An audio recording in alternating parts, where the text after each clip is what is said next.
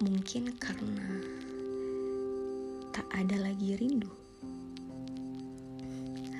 Perempuan itu menatap langit senja. Tak ada lagi rindu yang harus ditunggu atau kabar yang tiba setiap pagi. Kemarin ia masih tersenyum, bercerita tentang anak-anak beranjak dewasa.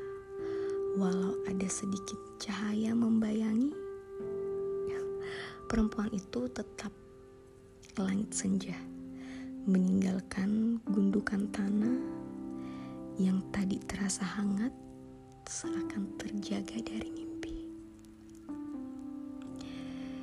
Dan gundukan tanah itu terasa lebih hangat karena bertaburnya bunga tentu saja air mata tak akan pernah